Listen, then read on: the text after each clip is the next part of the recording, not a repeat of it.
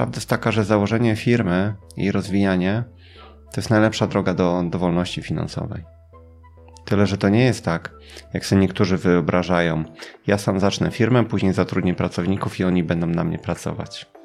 Bycie przedsiębiorcą to jest, to jest cholernie ciężka praca. Najlepszym rozwiązaniem jest przebudzenie ludzi i zrobienie po prostu dużego porządku z tymi psychopatami na górze, bo oni się nas boją. Oni są odważni, jak jesteśmy podzieleni, jak jesteśmy otumanieni. I boją się piekielnie, jak się jednoczymy i robimy porządek. Jeżeli chcesz być na bieżąco z naszymi materiałami, zasubskrybuj kanał i kliknij dzwoneczek. Partnerami kanału są Just Join IT oraz RocketJobs.pl, portale pracy przyszłości. Mercaton Asi, inwestycje z pozytywnym wpływem. SoFinanse, eksperci w dziedzinie finansów. IBCCS Tax, spółki zagraniczne, ochrona majątku, podatki międzynarodowe. Linki do partnerów znajdziecie w opisie filmu. Dzień dobry drodzy widzowie, Adrian Gorzycki, Przygody Przedsiębiorców. Witamy Was w kolejnym odcinku z Traderem 21. Dzień, Dzień dobry. dobry. Ten odcinek będzie poświęcony ponadczasowym strategiom dotyczącym rozwijania firmy, plus będą pytania dotyczące generalnie Twoich strategii postępowania. Jesteś gotowy? Pewnie. Pierwsze pytanie. W jaki sposób dbasz o niską rotację pracowników? Myślę, że od rekrutacji to się zaczyna. Dlatego, że no nie będę, nie mogę zdradzać wszystkich jakichś szczegółów, bo, bo przyszli kandydaci by mi się za bardzo przygotowali, ale staram się dobrze dobierać e, ludzi i nie mam tutaj żadnego klucza. Dam Ci przykład. Napisał do nas CV Artiom, który jest od kilku dni członkiem naszego zespołu. Artiom pochodził z biednej części Białorusi. E, nie miał jakichś super perspektyw na, na rozwój e, ale zobaczył, że budowlańcy w jego regionie zarabiają powiedzmy dwa, trzy razy więcej niż inni, niż średnia. Więc poszedł do technikum po to, żeby ewentualnie pracować w tym zawodzie. Później poszedł na studia i zobaczył, że on się tam kompletnie nic nie uczy. Rzucił szybko te studia, przyjechał do Polski i nauczył się języka polskiego. I mówi, mówi bardzo dobrze w tym języku, jak na relatywnie krótki czas. Tu szybko doszedł do wniosku, pracując w firmie budowlanej, że, że może się wykazać i szybko miał jakąś sporą grupę ludzi pod sobą. Ale w Polsce zarobki są relatywnie niskie, ciężko się tu dorobić, więc szybko się przeniósł do Norwegii. E, I tam posługując się angielskim, już czasem norweskim, wyszedł na ten sam poziom, co, co w Polsce i do nas napisał. Więc stwierdziłem, kurna, mega fajny gość. Najważniejsza e, taka cecha, jak, jak stwierdził w liście motywacyjnym, czy tam w jakimś mailu, on nie chce być biedny. Dlatego on chce po prostu zasuwać. No i od niedawna Artiom jest, jest u nas w zespole. Ja mu oczywiście zrobiłem testy, które potwierdziły tylko, że, że jest świetnym analitykiem. Że Jakie jego... testy? No, takie, które robią nowi pracownicy. Czyli jakie? Może to niech coś sobie poszuka GMAT. Mhm. Tych, które ja mam, ja je sam przygotowałem, więc nie będę tego zdradzał, żeby ktoś się nie mógł przygotować, ale GMAT jest jednym z elementów pokazujących, w jaki sposób e, myślisz. W każdym razie e, gościu potrafi analizować, jest niesamowicie zmotywowany. Nikt mu nigdy nie dał szansy pracowania w czymś, czym się rzeczywiście rozwijał. Więc mam i fajnego, i lojalnego człowieka, który wie, że trzeba po prostu w wieku dwudziestu kilku lat konkretnie zapieprzać, a nie iść na uczelnię, dostać dyplom i tylko narzekać, że nie mam fajnej pracy. Przecież mam wykształcenie wyższe. Nie, on, on rzucił studia. Tak, tak. Chodzi mi o narrację taką, którą przyjmuje wiele osób, że przecież uczyłem się 5 lat, mam papier i teraz co, nie, nie, ma dla mnie odpowiedniej pracy do wykształcenia? Nie wiem. Dla, dla, dla mnie taki papier nie ma najmniejszego kompletnie znaczenia.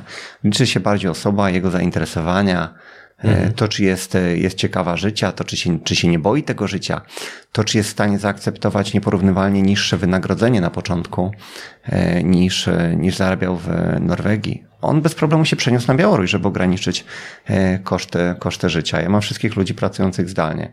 Więc to tylko pokazuje determinację jego, e, jego determinację i moje trochę dziwne podejście do, e, do kwestii rekrutacji. Mhm. Później jak mam ludzi, no to oni zarabiają podstawy co najmniej 20% więcej rok do roku, a realnie to jest więcej, dlatego że dostają część, część kasy od projektów, które realizują, za które są, są odpowiedzialni. A później zarabiają już bardzo dużo, ale ci, którzy rzeczywiście potrafią na to zasłużyć i którzy zdejmują ze mnie jak najwięcej obowiązków, bo to jest dla mnie bardzo ważne. Taki, taki, chyba proces partycypowania przez pracownika w zyskach z konkretnego projektu powoduje, że jego poziom poczucia odpowiedzialności wznosi się na zupełnie inny poziom. Bardziej się staje partnerem, Dokładnie aniżeli tak. pracownikiem. Ja wolę mieć właśnie tak, takich, takich partnerów, dlatego że wtedy oni nie mają żadnego ograniczenia e, w wysokości zarobków. I to jest fajne. Bo ja sam nie wiem, czy ja na danym, na danym projekcie zarobię milion czy, czy pięć milionów. Dzięki czemu, jeżeli on się stara i widzi, że jeżeli coś pójdzie pięć razy lepiej niż zakładamy, to on zarobi pięć razy więcej pieniędzy niż powiedzmy w jakimś tam, tam wariancie. Dlatego oni no, całkiem fajnie się, się starają. Widzę teraz, że ludzie, którzy może poza Artiomem pracują dla nas krótko, powiedzmy rok, to nie jest ta sama motywacja, którą na przykład miał Marcin, czy Tomek, czy, czy Mateusz, czyli ta trójka najważniejszych e, dla mnie ludzi, którzy przychodzili kilka lat temu. Jakie trzy rzeczy od mojego wspólnika? Jakie trzy rzeczy są kluczowe dla rozwoju, a większość Januszeksów je ignoruje? Nie mam pojęcia, co ignorują. Ja jak rozwijam firmę, no chyba tego dotyczy, e, dotyczy pytanie, to po prostu no, kieruję się jakimiś tam zasadami, kieruję się intuicją, zdrowym rozsądkiem. E, czasami też pokorą, bo na przykład ostatnio miałem taką sytuację, gdzie zrypałem za mocno jednego pracownika. Zrypał coś, ale, ale ja przegiąłem, jak, jak zadzwoniłem do niego, więc stwierdziłem, że, że przegiąłem. E, I po prostu przeprosiłem go, stwierdziłem, że nie powinienem tego robić. Porozmawialiśmy sobie szczerze 5 minut i, i po sprawie. Z mojej strony to jest pokora. Ze strony Konrada była pokora. On był w stanie przyjąć krytykę. Ja są, tą krytykę szybko sam u siebie dostrzegłem, że, że zrobiłem źle. I to, i, to jest, I to buduje relacje, a nie jeden szef i długo, długo nic i pracownicy. Mhm. Z niewolnika nie ma pracownika. To, to, jest coś, co mi przyszło do głowy, ale nie wiem, czego taki Januszek mhm. nie robi, czego nie dostrzega. Myśl, myślę, że nie docenia ludzi i mało im płacą. Bo przecież gdybym ja miał pojęcie, no czołówka zarabia tak, jak kiedyś rozmawialiśmy, powyżej tego miliona e, rocznie, no to to jest wynagrodzenie najwyższego szczebla dużych chyba korporacji, to 80 kawałków miesięcznie.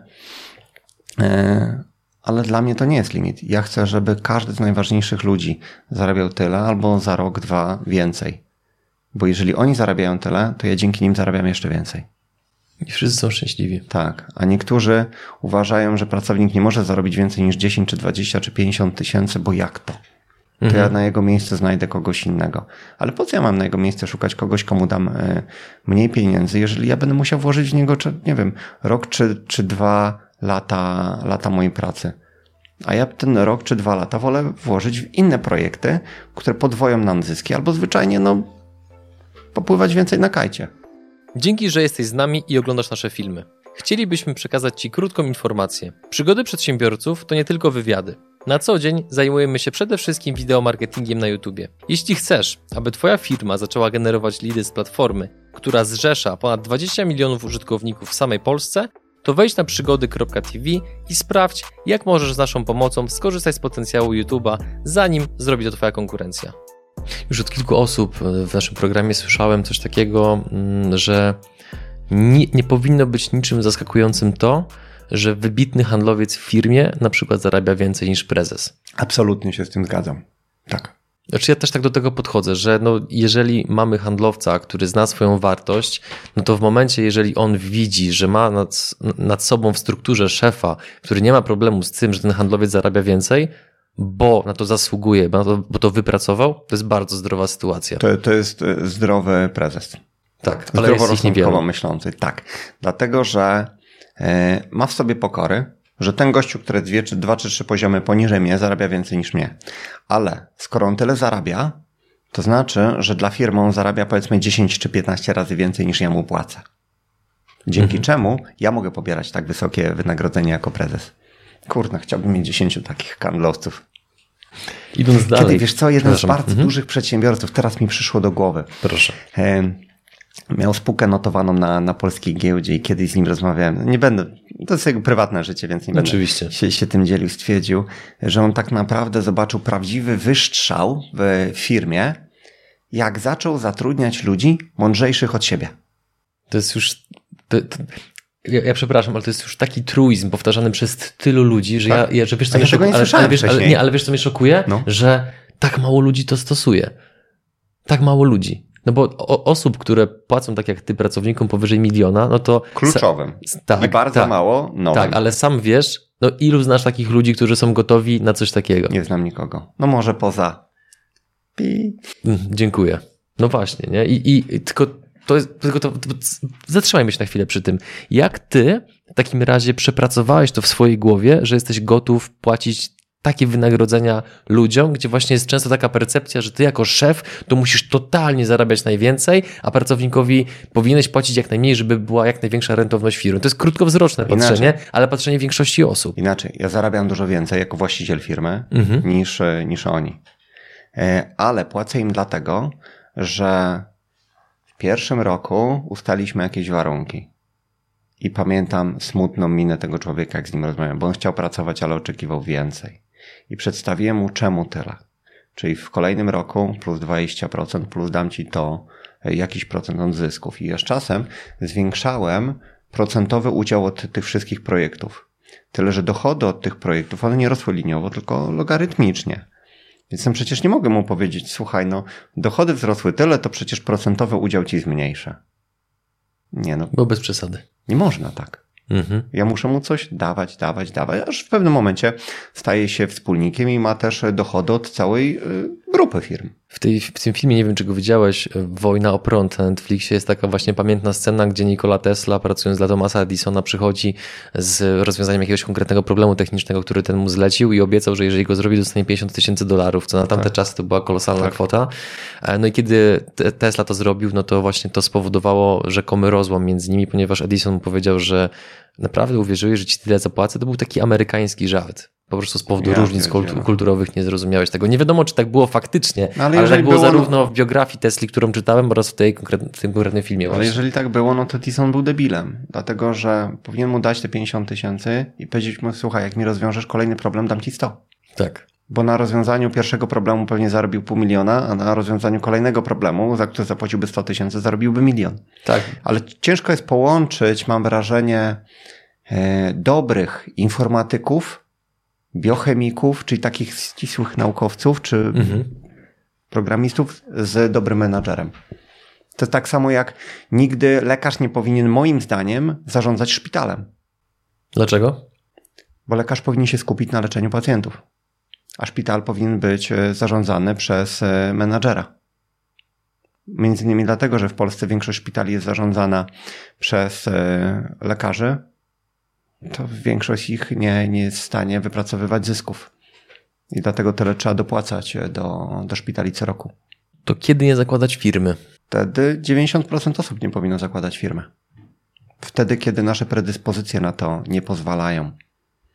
Bo smutna prawda jest taka, że 90% osób, które wyszło trochę z takiego komunistycznego świadka, yy, nie nadaje się do prowadzenia firmy. Jak zobaczysz po prostu statystycznie, to wiele osób, które założyło firmy w przeszłości, podnosząc statystyki, założyło je po to, żeby dostać jakieś dotacje z ZUS-u, kupić sobie może jakiś stary samochód, może telefon, może laptopa i zamknąć to po prostu. Mało firm w ogóle jest w stanie przetrwać pierwsze 5 lat, jeszcze mniej 10 lat. Ale prawda jest taka, że założenie firmy i rozwijanie to jest najlepsza droga do, do wolności finansowej. Tyle, że to nie jest tak, jak sobie niektórzy wyobrażają. Ja sam zacznę firmę, później zatrudnię pracowników i oni będą na mnie pracować. Bycie przedsiębiorcą to jest, to jest cholernie ciężka praca. Co o tym myślisz praktycznie? Co w pewnym momencie zyskujesz takim już wolność i możesz się trochę od tego odciąć, ale te pierwsze kilka lat to jest naprawdę niesamowicie ciężka charuwa. Jakie pytania sobie taka osoba powinna zadać, żeby określić, czy jest w tych 90%, o których powiedziałeś, czy może w tych 10%, które jednak warto, żeby podjęły próbę? To się chyba czuje. Ja na przykład, ja nie chciałem być przedsiębiorcą. Jak miałem naście lat, no to moi rodzice tam rozwijali firmę, hurtownie sportowe, kilka sklepów. E, I później, kiedy mój ojciec e, zaczął chorować, e, to to, to wszystko się, się wywaliło. Straciliśmy wszystko. Dosłownie wszystko.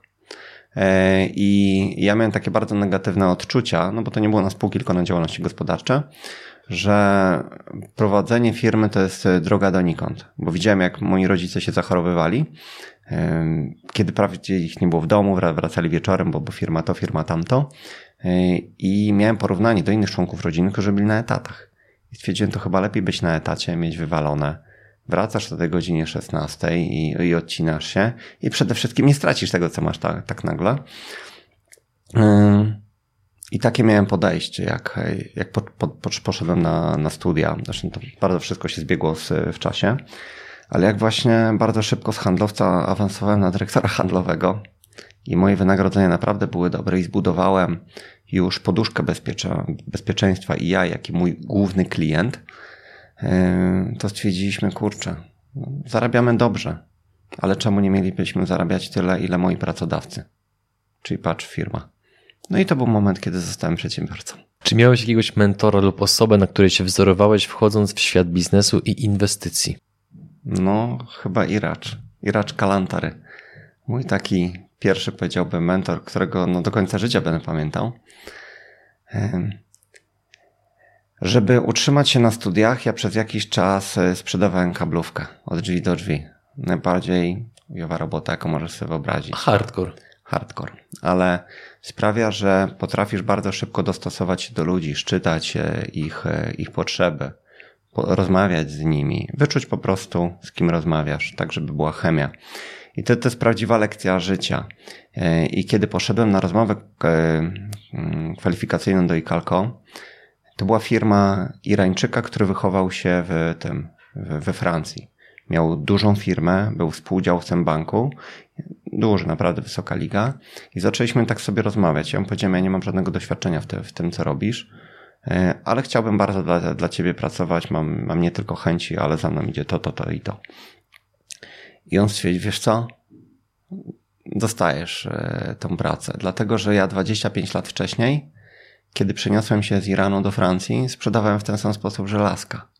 Patrzyłem, kto, gdzie się światło jeszcze pali, w którym mieszkaniu i mówię, tam, tam, tam zapukam. Więc jeżeli ty byłeś w stanie wykonywać tak, taką pracę, to ja chcę mieć ciebie u siebie.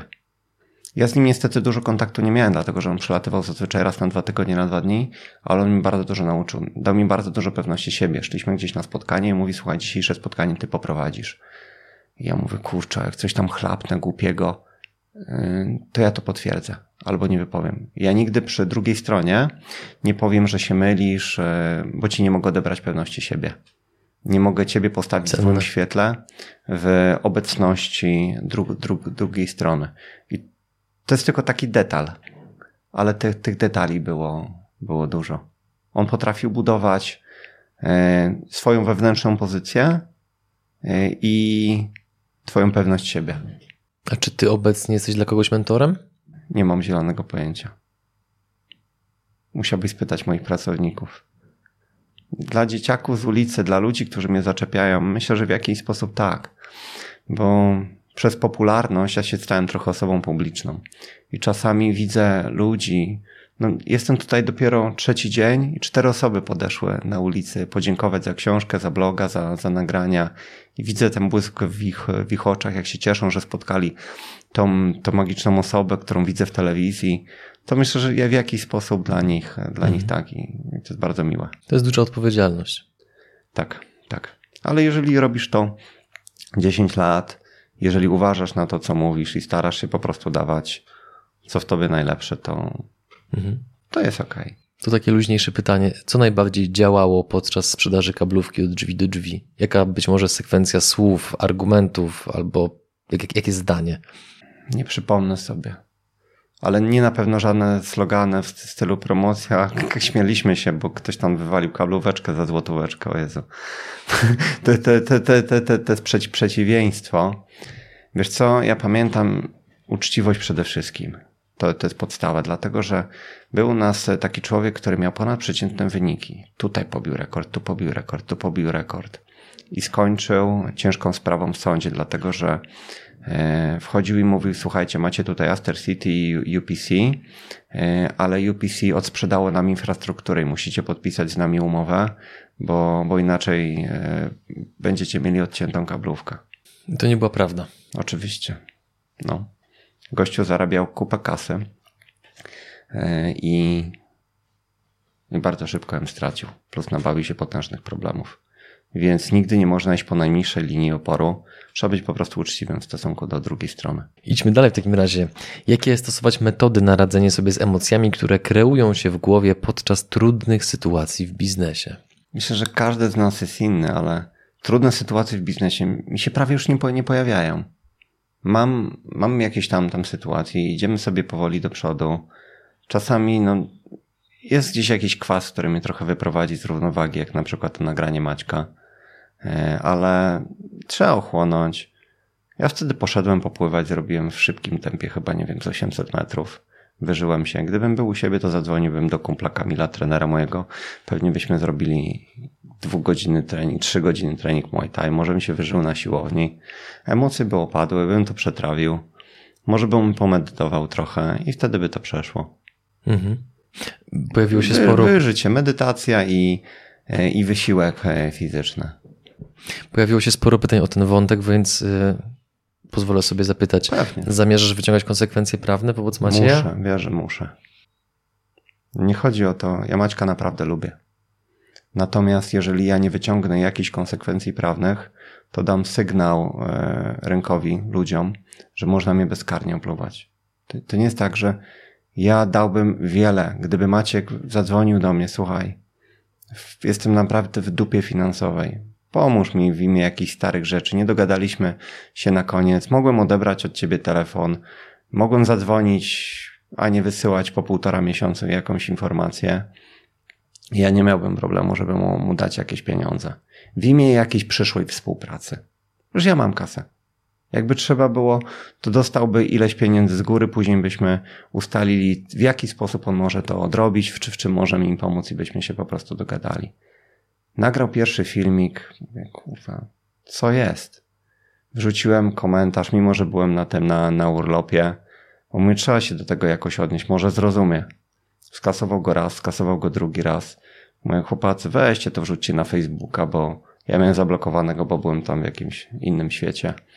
E, wpieklił się strasznie, nagrał ten film i no, to już się rozlało.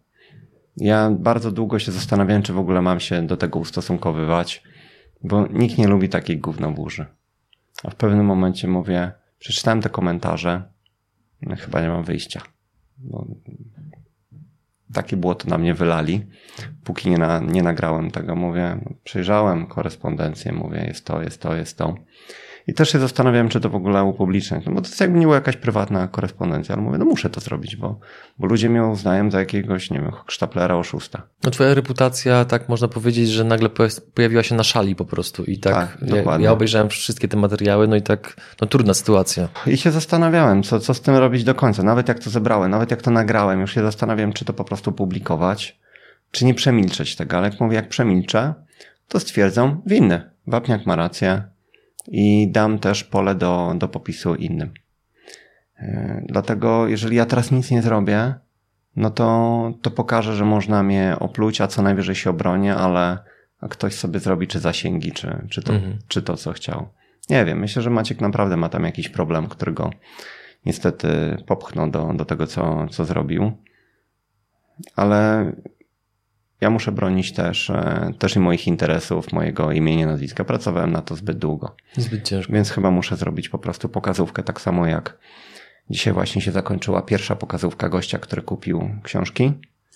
E, jedną konkretnie książkę i później sprzedał ją wielokrotnie na tym, e, na, na Allegro. Tylko, że każda książka jest oznakowana. Długo trwało wyśledzenie tego, zebranie wszystkich dowodów no, został dzisiaj zmasakrowany w sądzie. Dosłownie zmasakrowany. Jaka kara została mu zasądzona? Duża. Pięćcyfrowa, sześciocyfrowa? Duża, bez, bez szczegółów. Okay. Wpis do, do papierów na 5 lat. Nie fajnie. To idąc dalej, w takim razie troszeczkę pozostając w tym temacie. Czy, pytanie od kolejnego widza. Czy dotyka go hejt i jak sobie z nim radzi? Czy mnie dotyka hejt? No pewnie. Starczy spojrzeć, jakie komentarze tam, tam były. Wiesz co, nie, mógłbym powiedzieć, że mam już na, na to wywalone, bo się, się uodporniłem, bo, bo skala bardzo... Poz... Hejt jest tylko yy, przez anonimowych ludzi. Nigdy się nie spotkałem z negatywną reakcją ludzi na ulicy. Ja tak samo. No, więc po prostu Jest banda tchórzy, którzy po prostu może mają tak zrypane życie i nadmiar wolnego czasu, że muszą go wyleć w jakichś komentarzach i tyle, oleć to. Powiem Ci, że taka, taka dygresja. e, Kilka osób z mojego najbliższego otoczenia, jak zobaczyło, jakie są komentarze na naszym Facebooku a propos eventu, który robimy w lutym, to zaczęli mi tak dopytywać, e, Adrian, ale tak to nie masz wątpliwości po tych komentarzach? Przecież tam tak po was jadą i, i waszych prelegentów wyzywają i tak dalej. I ja tak się nagle zatrzymałem i mówię, ale słuchaj, my na 300 biletów sprzedaliśmy już 200. To czym ja mam się przejmować? Ci, którzy mają być, to będą, a ci, którzy Oczywiście. tam no, plują, szczekają, no to, to w ogóle nie ma sensu na nich zwracać uwagi za bardzo. Ignorować. Ty to robisz dla tych 200 dzisiaj i 300 osób, którzy chcą zapłacić za to, żeby być na evencie. W określonym i po- środowisku. Tak, i posłuchać tego, co ci ludzie mają do powiedzenia. Tak samo jak przecież pisałem książkę, to pisałem, czy jakąś, pis, nie wiem, pistolet przyłożyłem do głowy do osoby, która, nie wiem, kupi moją książkę, kurs, czy kupiłem moje ruchy? Nie. To jest ich e, decyzja. To jest wolna transakcja na wolnym rynku. Dwóch wolnych ludzi podejmuje decyzję. Jeden wkłada kupę wysiłku w stworzenie produktu czy usługi, a drugi stwierdził, że za tą określoną kwotę ja chcę to nabyć. A czemu jakiś hejter się do tego wpieprza? Nie chcesz? Nie kupuj. My nikogo nie zmuszamy do tego. To jest wolny rynek. Kamil pyta, biznes to sport zespołowy. Jak rozpoznaje ludzi, którym warto zaufać? To jest chyba intuicja. Nie wiem. To jak ją w sobie rozbudzić, żeby to czuć? Pamiętasz, jak ci mówiłem o Tamarze? Mhm. Tej od kręgosłupa? Tamara mi kiedyś zrobiła taki zabieg, reconnection, połączenie energetyczne nici DNA. Mi się bardzo po tym rozwinęła intuicja. Zacząłem więcej rzeczy dostrzegać. Nie wiem, czy nazwijmy to efektem placebo, no bo 90% oczy właśnie, osób zrobiło właśnie takie oczy, e, ale może to jest to. Jak Tamarę określa się pod kątem wykonywania zawodu? To jest, przepraszam za być może niewiedzę, ale to jest wiedźma, czy jakby jak ty ją nazywasz? Ja ją nazywam ciotka czarownica, ale Mhm. bo się po prostu tyle razy, raz widzieliśmy, pomogła zarówno moim pracownikom e, w pewnych rzeczach, jak i ogromnej grupie moich, e, moich znajomych. Wiesz co, ja uważam, że ona poza tym, że ma pewne możliwości pomagania ciału fizycznemu, to jest jednym z absolutnie najlepszych psychologów. Ona czuje pewne rzeczy, które my mamy w poziomie, na poziomie podświadomym. I wiem, że pomogła wielu osób, tak powiedziałem, z mojego najbliższego otoczenia, którzy mieli pewne rzeczy, z których nie zdawali sobie sprawy, których ciągnęły w niewłaściwym kierunku i pewnie jakiś super psycholog mógłby sobie z tym poradzić w ciągu roku. A ona to robiła w ciągu jednej, dwóch sesji. To teraz tu się zatrzymajmy. Na chwilę mam pytanie a propos postawy Twoich pracowników, no bo to są ró- różni ludzie z, z siłą rzeczy. Czy wśród nich była osoba, która miała takie podejście trochę defensywne na zasadzie fajnie Czarek, dobra, zrobię to, bo jesteś moim szefem, bo mi każesz, ale ja w takie e, pierdoły nie wierzę. I czy taka osoba była jaka była jej reakcja już po całym zabiegu, rytuale, nie wiem jak nawet nazwać. Nie, nie było, wiesz co, nie było takiej osoby wśród y, pracowników, ale przypomniało mi się, że Grzesiek tak zareagował. Mój najlepszy kumpel w y, Hiszpanii, Polak. Była tam jedna kwestia do, do rozwiązania. To jest jego prywatna rzecz, ale, ale miał taką właśnie podejście. Mój Grzesiek, masz taką szansę, Tamara jest u mnie. Idź do niej. To jest, nie wiem, 100 czy 200 euro. Idź. Kur, pójdę, dobra już. Już dał mi spokój. Niech będzie, dokładnie. A później stwierdził, Czarek, to były najlepiej w życiu wydane pieniądze. Nie mogę wchodzić w szczegóły, Oczywiście. bo, bo to są bardzo prywatne rzeczy, ale, ale to. A być może za rok ci zrobię jakiś update, bo właśnie jak we wrześniu ściągnę znowu do siebie do Hiszpanii całą firmę, to, to ściągam też Tamarę. Że po prostu te trzy dni popracowała nad, nad chłopakami. Drodzy widzowie, dajcie znać w komentarzach, czy chcielibyście, żebyśmy nagrali z traderem odcinek typowo o zdrowiu, mówiąc bardzo ogólnie. Jeżeli będzie odpowiednia liczba komentarzy, to taki odcinek zrealizujemy? Pasuje ci to? Myślę, że tak. W jakimś tam oczywiście Wiesz, zakresie, że no ja, bo... ja, ja jestem sceptyczny do tego, bo zawsze po drugiej stronie są ludzie z korpo, którzy tak myślą, bardzo inteligentni ludzie, ale dla których autorytetem jest profesor, doktor habilitowany i tak dalej. A przez to, że ja nie mam dyplomu lekarza, to ja się na, na niczym nie znam. A to, że moje ciało działa jak działa, to nie ma najmniejszego znaczenia. No tak, no ja ci nie wierzę, że masz 43 lata, więc chociażby dlatego chciałbym ten odcinek nagrać, pomimo, że wewnętrznie, o czym ci zresztą mówiłem, jak mi mówisz o niektórych rzeczach, zwłaszcza poza kamerą, to sam widzisz po mojej mimice, że tam następuje tornado. Po prostu tornado, bo no jak, ale o tym może innym razem. E, kolejne pytanie. Jak zachować work-life balance, kiedy nie jest się jeszcze wolnym finansowo, żeby nie tyrać po 12 godzin na dobę? Jak ktoś ma kasę, to łatwo, a wcześniej? To jest złe pytanie, ja nie potrafiłem. Ja zasuwałem jak głupi, od poniedziałku do piątku po paręnaście godzin. W sobotę rano uciekałem na siłownię ze wspólnikami, bo wtedy wiedzieliśmy, że się odetniemy od bieżących spraw, ale ciągle rozmawialiśmy o firmie. Wjeżdżaliśmy razem na wakacje e, i rozmawialiśmy o firmie. U mnie przyszedł taki zimny prysznic, jak jeden znajomy przekręcił się w wieku 30 lat na atak serca, korpo, mega mocno zaangażowany w firmę, mega mocno się wszystkim przejmował, a chwilę po nim trochę dalszy znajomy, 29 lat. Jedno dziecko, drugie w drodze. I zobaczyłem, że to jest ten czas, kiedy trzeba troszkę inaczej podejść do życia. I ja jednocześnie też się wtedy wypaliłem, bo już firma mi nie dawała fanu.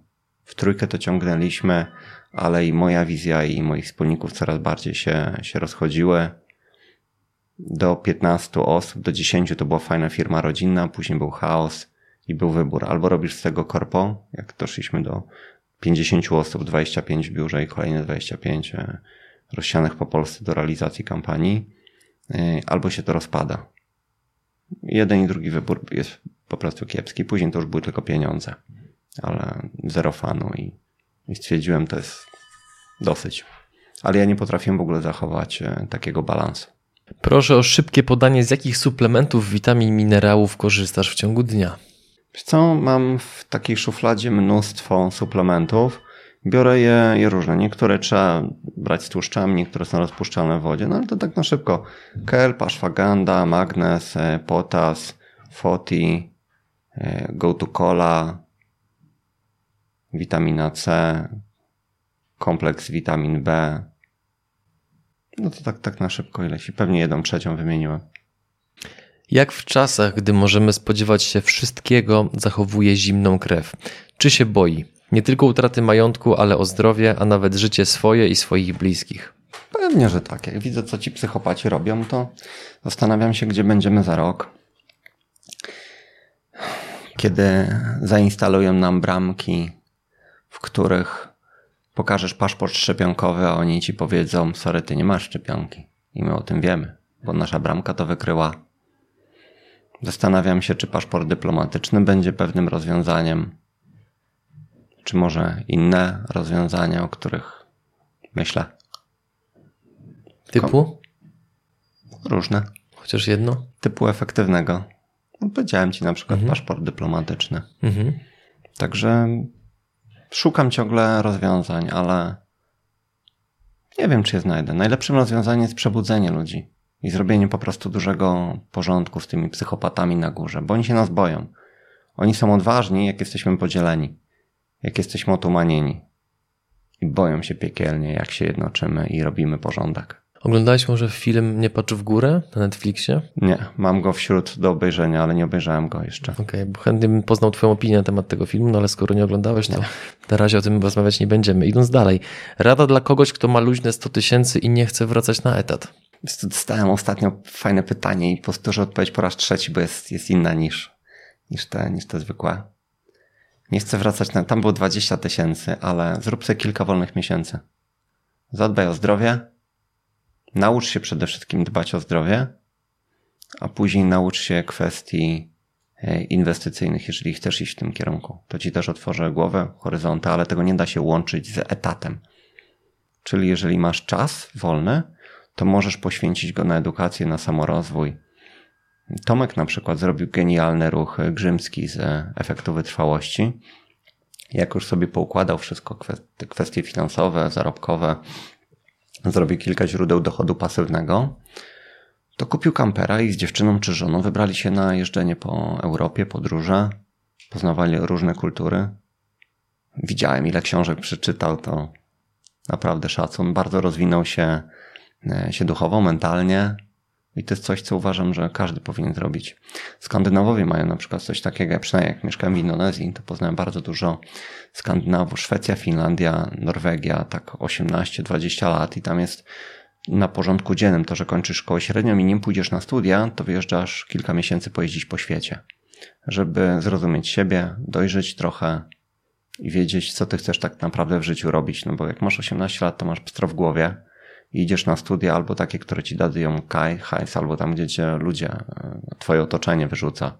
Medycyna, prawo, bo potem to się dobrze ustawisz i tak dalej. E, a takie odcięcie się od dotychczasowego życia e, i zebranie tej mądrości, która leży w książkach, myślę, że jest warte każdych pieniędzy. Ale żeby to zrobić, to musisz mieć odpowiednio pieniądze odłożone, dlatego jak nieważne, czy masz 20-50 tysięcy, można ograniczyć koszty życia i po prostu poświęcić trochę czasu na taki samorozwój. To bazując chociażby na przykładzie Tomka, o którym powiedziałeś, jakie źródła dochodu pasywnego może mm, w stosunkowo krótkim czasie wygenerować dla siebie przeciętny Kowalski? Nie odpowiem Ci na to. Jest ich tyle, że niektórzy mają garaże na wynajem, bo, bo w nich jest dużo, dużo większa rentowność niż w, mm, niż w mieszkaniach. Inni, którzy zarobili trochę więcej, mają lokale na wynajem. Inni zbudują sobie sensowny portfel spółek dywidendowych i żyją z dywidendy. Inni, jak, jak Tomek, żyją nadal z, w pewnym stopniu z filmów, które, które kiedyś, kiedyś nagrali i w jakiś sposób one im się komercjalizują. Jest mnóstwo różnych źródeł. Ostatnie pytanie w tym odcinku. Czarku, jakie jest Twoje zdanie oraz jak oceniasz perspektywę i potencjał do rozwoju dla produktów naturalnych, takich jak na przykład własny miód? Ja dostrzegam w tym niszę, a co Ty sądzisz o produktach bio w skali mikro? Pozdrawiam. Ogromny potencjał. Kiedyś widziałem takie badanie pokazujące, że e, rynek żywności rośnie średnio 4% rocznie, rynek żywności ekologicznej rósł 12% rocznie. Myślę, że dzisiaj rośnie jeszcze szybciej. Ja na przykład jem bardzo mało w porównaniu do innych osób, ale dlatego, że jem bardzo dobrej jakości żywienie, e, boże, jedzenie. Mhm. Mam, mam czyste jelita, więc mój organizm jest w stanie wchłonąć e, składniki odżywcze, minerały, witaminy dużo efektywniej niż u kogoś, kto po prostu wrzuca w siebie syf przez 30 lat, a później dziwi się, że jest, jest wiecznie głodny. Także dla mnie to, to ma ogromny potencjał. Ja bardzo bym chciał, żeby wreszcie powstała jakaś marka, nie tyle ekologicznych rzeczy, bo one są lepsze, ale to nie jest nie do końca rozwiązanie. Tylko marka, która ewidentnie pokazuje, że w tej marchewce masz konkretnie tyle i tyle tych konkretnych pierwiastków. I dla porównania marchewkę z Lidla. Bo to, na czym mi zależy, to jest bardzo duża ilość minerałów, witamin w, w tym, co ja kupuję. Jak na przykład na Kostaryce mieszkałem, Guanacaste to jest prowincja, w której standardem są ludzie, którzy dożywają 100 lat. Jest kilka takich miejsc na świecie, 120 to jest starsza osoba. E, to tam właśnie nie było produktów, które miałyby niską zawartość minerałów, bo oni uprawiali wszystko na świetnej wulkanicznej ziemi. Mieli bardzo czystą e, wodę, no bo tam po środku Kostaryki masz góry sięgające 4 kilometrów, więc woda, która nie dość, że jest czysta, to ma odpowiednią strukturę molekularną i, i to smakowało. Ja pamiętam kiedyś zatrzymałem się przy drodze, patrzę, babka truskawki sprzedaje. No, takie fajne, umyte, już przycięte w woreczku foliowym. Spróbowałem, mówię, kurna, zawracam. Kupiłem pół kilo. E, one smakowały tak jak truskawki za mojego dzieciństwa. Natychmiast zawrotka. Dokupiliśmy jeszcze dwa i pół. I nim wróciliśmy do siebie do domu, w dwie osoby zjedliśmy 3 kg truskawek. One były tak dobre. Czemu? Dlatego, że wyrosły na glebie pełnej minerałów. I mój organizm czuł, że tego tak desperacko potrzebuje. Póki co jeszcze nie ma takich firm, ale mam nadzieję, że to jest tylko kwestia czasu, aż, aż powstaną. Nawozy, które się przecież stosuje tak popularnie, to są raptem trzy pierwiastki. A nawozy naturalne zawierają ich pięćdziesiąt kilka. Tylko no, niektórzy muszą dojrzeć do, do ich stosowania, bo popyt na to na pewno jest. I tu postawmy kropkę w tym odcinku. Drodzy widzowie, dziękujemy Wam za Wasz czas. Żegnamy się w tym materiale. Jeżeli macie jakiekolwiek przemyślenia w tych tematach, które pojawiły się w tym nagraniu, to dajcie znać po prostu w komentarzach. Do zobaczenia w kolejnym odcinku. Cześć, Czarku, dziękuję za rozmowę. Dzięki.